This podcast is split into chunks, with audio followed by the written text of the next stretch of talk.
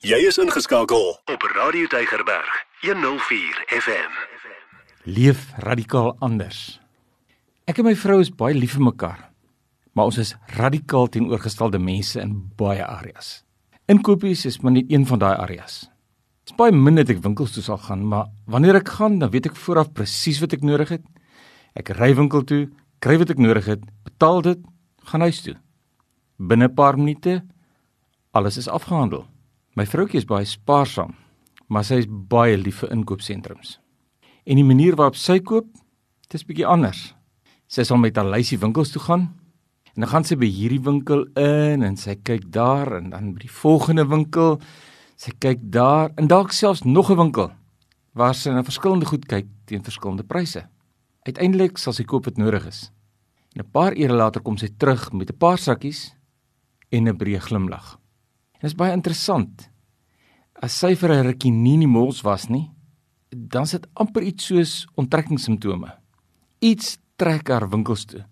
Ek verstaan dit glad nie, maar miskien is daar van julle wat beter verstaan as ek hoekom sy so funksioneer.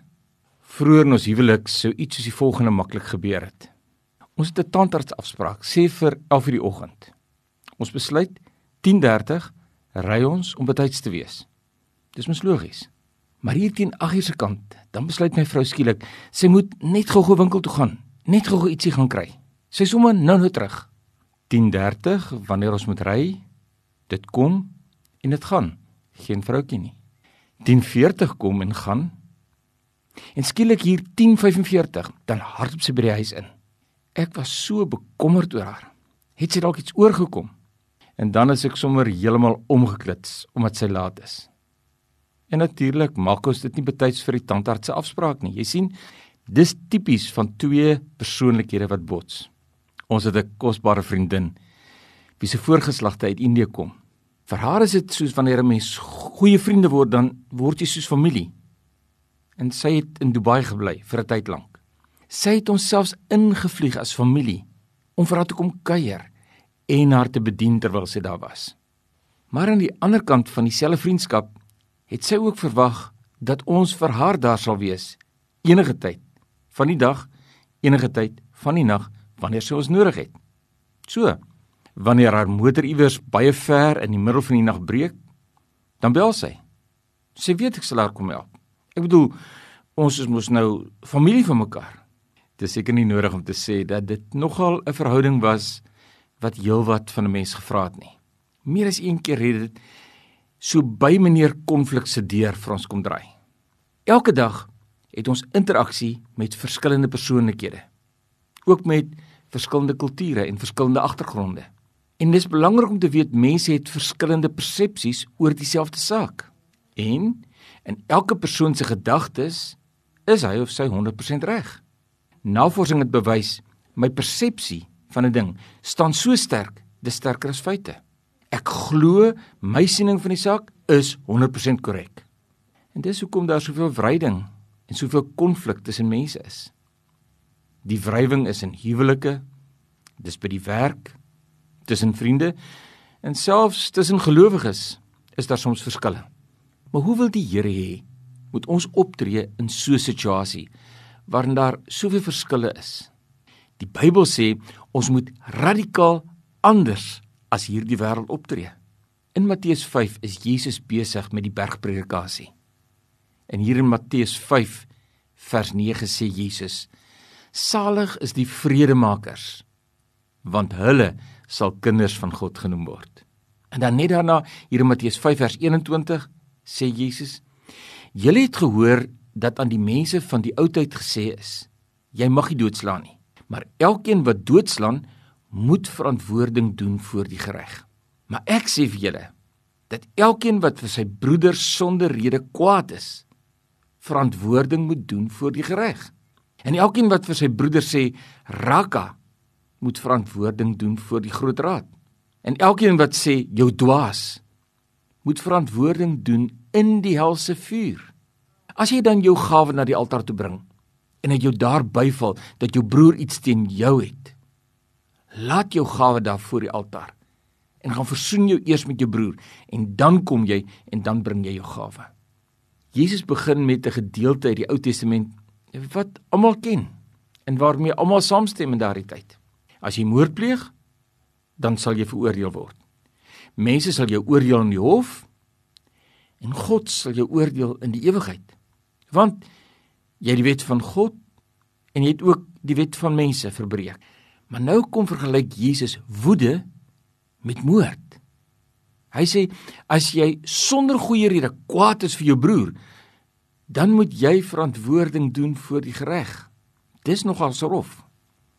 Maar dan gaan Jesus verder. Hy sê wie ook al vir sy broer sê raka, so 'n persoon staan voor die reg van God in sy raadsel. Nou wat beteken raka? Slim ouens sê dit kom uit die Arameese taal. In Aramees beteken raka leeg. Maar jy waarskynlik het baie meer as dit beteken. Dit het eintlik beteken om leeg in jou kop te wees. So wanneer jy vir iemand sê jou dofkop of jou stupid of jou dwaas, dan sê Jesus moet jy verantwoording doen voor God en selfs in die helse vuur. Dis nogal erg, né? Nee. Dis dalk iets wat ek jy moet onthou wanneer ons op die pad in die spits verkeer is. Ook wanneer die taxi vir jou insny. Ook wanneer ek in konflik is met iemand en dink jou dofkop of jou dwaas. God weet wat in ons gedagtes gebeur en hy sal oordeel oor dit wat jy dink. Hoekom? Wat ons dink omtrent iemand vorm 'n prentjie in ons gedagtes. En hierdie prentjie bepaal hoe ons in die toekoms oor hierdie persoon sal voel en dit sal bepaal hoe ons interaksie met daai persoon gaan wees.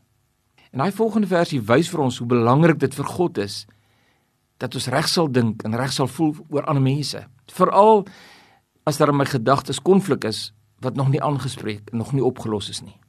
Jesus sê as jy dan jou gawe na die altaar toe bring en dit jou daarby val dat jou broeder iets teen jou het, nie jy teen jou broer nie, dat jou broeder iets teen jou het. Laat staan jou gawe voor die altaar en gaan versoen jou eers met jou broer en dan kom jy terug en dan bring jy jou gawe na die Here toe. Nou, hierdie is ook een van die areas wat ek en my liefste vroutjie nogal heelwat verskil het, veral in die beginjare van die huwelik. Hoe ons dinge hanteer tydens konflik is baie verskillend. Veral wanneer die vuur hoog brand. Wanneer ons verskil oor iets, ek wil graag hê ons moet praat oor die saak tot dit deurgepraat is en totdat ons saam 'n oplossing vir die toekoms bereik het. Dan gaan ons mos nie meer in die toekoms oor dieselfde klip struikel nie. So ek wil praat tot ons by 'n oplossing uitkom. My vroutjie voel baie vinnig. Um, ons het mos nou genoeg oor hierdie ding gepraat man. Nou gaan die lewe vir haar aan. Maar as ons nie saam by 'n oplossing uitgekom het nie en die atmosfeer hang nog so in die huis, jy weet hoe voel dit. Dan kan ek nie op my knieë gaan en bid nie. Ek kan ook die Bybel lees nie. Want die konflik is nog nie opgelos nie. Die Bybel sê mos so. Maar my vrou kan in alle opregtheid voor God haar Bybel lees, sy kan bid en dan draai sy om en sy raak rustig aan die slaap. Kan jy dit glo? En ek sit haswakker regop die heel nag. En die ergste is ek weet sy's reg. Want ons het mos eintlik 'n klein bietjie oor die saak gepraat. God se beginsel is die volgende: Wanneer jy tyd spandeer in God se teenwoordigheid en jy steeds in konflik met iemand, moenie wag en verwag dat daardie persoon na jou toe moet kom nie. Gaan en sorteer die ding uit van jou kant af. Sê jy's jammer. Vra om vergifnis en besluit om te vergewe al sê jou emosies wat. Dit maak nie saak of jy voel jy's reg, onskuldig of wat ook al nie. Los net die konflik op. Wees die minste. Kom dan terug en dan spandeer jy tyd in God se teenwoordigheid. So, kan ek vir jou vra, as jy al hierdie dinge hoor, hoe voel jy daaroor? Is dit die lewenswyse wat jy kies en wat jy elke dag uitleef? Is dit soos mense en soos jou gesin jou ken? Want jy sien Jesus gaan nog baie dieper. Hy sê draai jou ander wang. Het jy al gekyk wanneer kleuters speel, wat doen hulle? Die oomblik wanneer die een die ander seermaak, wat gebeur? Hy maak terugseer. O, jy stamp my mos, dan skop ek jou. Of jy het my geklap. Kyk nou hard gaan ek jou nou slaan. Maar ongelukkig gebeur presies dieselfde baie keer in die groot menswêreld ook. Jy het my mos sleg behandel, né? Kom ek wys jou ek gaan jou baie erger hanteer. Maar Jesus het ons gered en hy het ons verander deur sy gees om totaal teenoorgestel as die wêreld rondom ons op te tree. kan mense in ons optrede sien dat Jesus in ons leef. Matteus 5:38. Jesus sê: "Julle het gehoor dat daar gesê is oog vir oog en 'n tand vir 'n tand. Maar ek sê vir julle dat julle 'n slegte mens nie moet weerstaan nie. Maar as iemand jou op die regterwang slaan, draai jy aan die een hom toe. En hy wat met jou na die gereg wil gaan en jou onderkleed wil neem, laat hom ook die boekleed kry.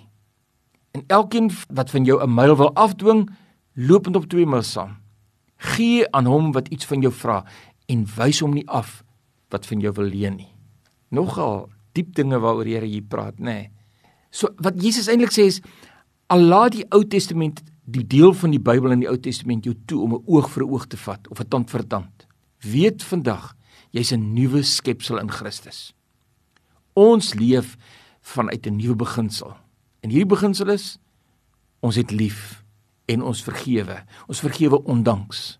So wat beteken hierdie klap ding? Wanneer jy reg voor iemand staan en jy is regshandig, as jy dan iemand sou klap op sy regterwang, dan moet jy dit doen met die agterkant van jou hand.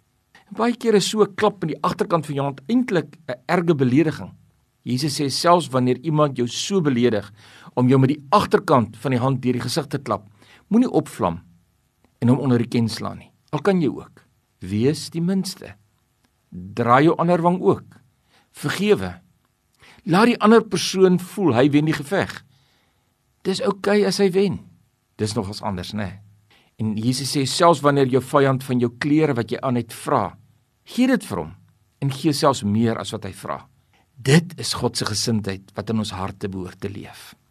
Maar wanneer ons dit sê, dan weet jy natuurlik, dit vra alles van my kant af. Dit vra selfs 'n gesindheid van ek het my vyande lief. Romeine 12:17. Vergeld niemand kwaad vir kwaad nie. Bedink wat goed is vir alle mense. As dit moontlik is, sover as dit van julle afhang, lewe in vrede met alle mense. Moenie julle wreek nie, geliefdes. Gee plek vir die toorn, want daar is geskrywe: "Aan my kom die wraak toe. Ek sal vergeld," spreek die Here. As jou vyand dan honger het, gee hom iets om te eet. As hy dors het, gee hom iets om te drink, want sodoende sal jy op sy hoof vuurige kole ophoop. Laat jou nie deur die kwaad oorwin nie, maar oorwin die kwaad deur die goeie. Ek weet nie jy nie, maar ons is mos hier in Suid-Afrika grootgemaak om terug te slaan, hè. Moenie toelaat dat iemand jou boelie nie. So het ek groot geword. Maar Jesus sê nogal iets anders. Hy sê laat die wraak aan God oor.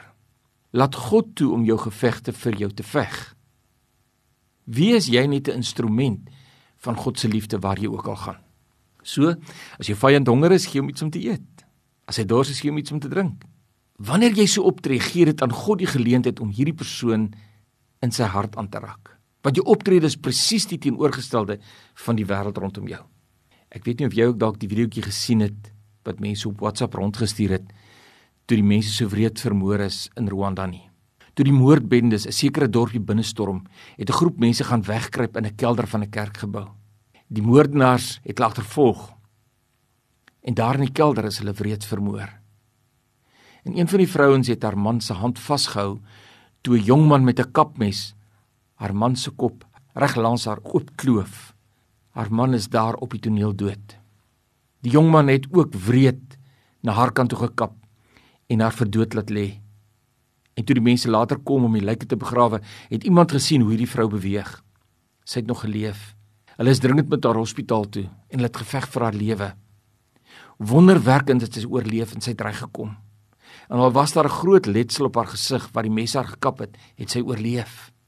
Na die oorlog is die moordenaar stronk toe gestuur en daai vrou was 'n Christen. Sy het besluit ek gaan hulle vergewe. En sy het hierdie moordenaars in die tronk gaan besoek. Sy het ook die jong man wat haar man doodgemaak het, gevind en hom vergewe. En toe die moordenaars uiteindelik vrygelaat is uit die tronk, het sy hierdie jong man in haar huis ingeneem en hom as haar eie seun grootgemaak. Jy kan so iets net doen wanneer God se gees in jou leef. Filippense 2 vers 1 tot 4 sê: "Ag, altyd ander mense belangriker as jouself." Ons lees: As daar enige troos in Christus is, as daar enige vertroosting van die liefde is, as daar enige gemeenskap van die Gees is, as daar enige tederheid, ontferming is, maak dan my blydskap volkome deur eensgesind te wees, dieselfde liefde te hê, een van siel, een van sin. Moenie iets doen uit selfsug of uit ydelle eer nie, maar in nederigheid moet die een die ander hoër ag as homself. Jy moenie elkeen na sy eie belange omsien nie, maar elkeen ook na die ander een sin. Jy sien dis maklik om saam te stem met hierdie beginsel maar is nie altyd maklik om dit uit te leef nie. Stel ons regtig ander se belange hoër as ons eie? Onlangs het een van ons pastore sy werk verloor en daarna het hy ook sy huis verloor. Hulle het nie huis om te bly nie, geen kos vir sy vroutjie, sy kinders is 4 jaar en 2 jaar oud. Meeste mense sou vir hulle sê, "Sjoe, dis erg, ek bid vir julle." Maar jy, sou jy vir hulle iets gee om te eet? Ook iets sodat hulle ander blyplek kan kry? Sal jy regtig probeer om vir hom ander werk te kry? Abraham het geweet dat hy en Lot baie moes skei. Hulle het so ryk geword dat die land hulle nie meer kon dra nie. Nou Abraham was mos die senior vernoot in hierdie besigheid. Hy kon eintlik kies en sê waar hy en Lot moes gaan. Maar hy gee toe vir Lot die opsie om te kies. En toe Lot die beste deel van die land kies, het dit nie vir Abraham geplan nie.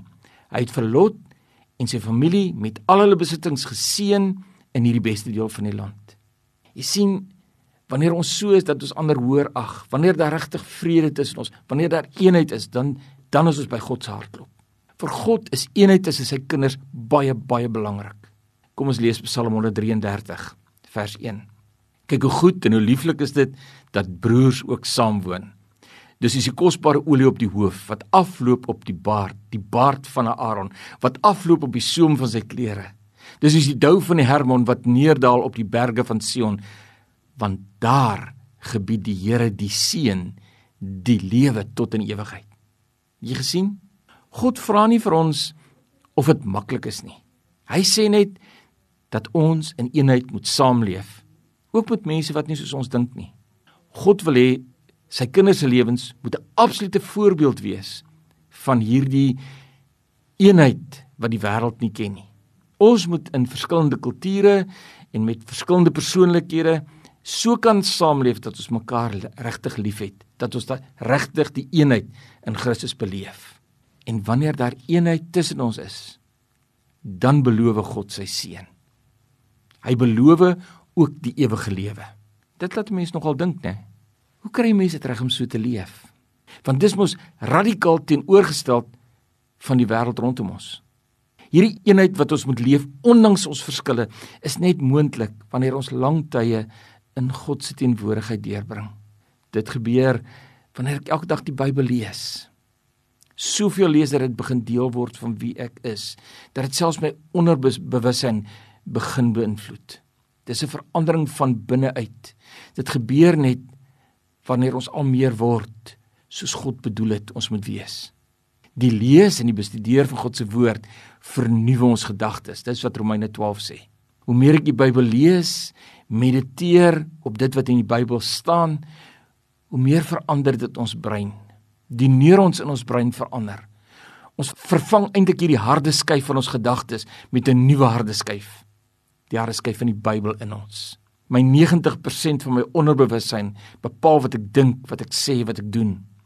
En wanneer ons nou ons brein herprogrammeer met Bybelse beginsels, dan begin ons teenoorgesteld leef as wat die mense rondom ons is. En dis so wonderlik, wanneer ons deurdrink is met God se woord en met sy Heilige Gees in my, dan draak spontaan die aangename geur van God se teenwoordigheid by elke plek waar ek inkom. Mense kyk na ons lewens, hulle lees die brief van Christus in ons lewens. Mense word aangetrek deur die sout en die lig wat deur ons skyn elke dag. Heilige Gees bly ons net deurtrek van homself. So ons moet leer om positief te kommunikeer. Waar ons gaan moet ons hoop en moet ons lewe spreek want dis wat die woord van God sê. Wanneer ek met iemand praat, dan spreek ek lewe en hoop. Ek wys nooit 'n vinger nie. Wanneer daar 'n verskil van mening is, dan sê ek ook daarvoor voel en uh, dit maak my hart seer, maar ek val nooit aan nie. Ek maak proaktief voorstelle. Wanneer mense met ons praat, moet hulle ervaar ek wil luister wat hulle vir my sê. Ek gee regtig om. En om aktief te luister is 'n tegniek wat enige mens kan aanleer. Dit los soveel probleme op lank voordat dit 'n konflik word. En wanneer jy geleer het om konstruktief en opbouend te praat, om aktief te luister wanneer iemand met jou praat, is 50% van alle moontlike konflik lankal reeds voorkom. Net omdat jy regtig omgee vir die persoon. So mag ek jou vandag uitdaag. Oefen jouself om positief te kommunikeer. Spreek lewe. Wees ingestel daarom om aktief te luister omdat jy omgee vir die ander persoon. Dit red huwelike. Dit draai moeilike situasies om in geleenthede waar God die deurbraak op die tafel sit. By dit alles hou aan om 'n soldaat in gebed te wees vir jou situasie. Kom meld vandag by God aan, sê vir die Here, Here, ek gaan 'n vredemaker wees in elke situasie in die krag van die Heilige Gees. Kom ons bid saam. Here, dankie vir die kosbare woord en dankie dat U vir ons leer om radikaal anders as die wêreld rondom ons te dink. Here, en wanneer ons persoonlikhede so verskil en wanneer ons kulture so verskil, dan dan sê ons vir U dankie dat U vir ons leer hoe om dit te hanteer. En kom Heilige Gees en kom vloei in ons en deur ons sodat ons so deurdrink sal wees met U woord en met U Heilige Gees dat oral waar ons kom ons 'n aangename geur van Christus sal versprei. Help ons om vredemakers te wees en U naam te verheerlik oral waar ons gaan. Ons bid dit in Jesus se naam. Amen. Elke dag jou nommer 1 keuse. Radio Deugerberg 104 FM.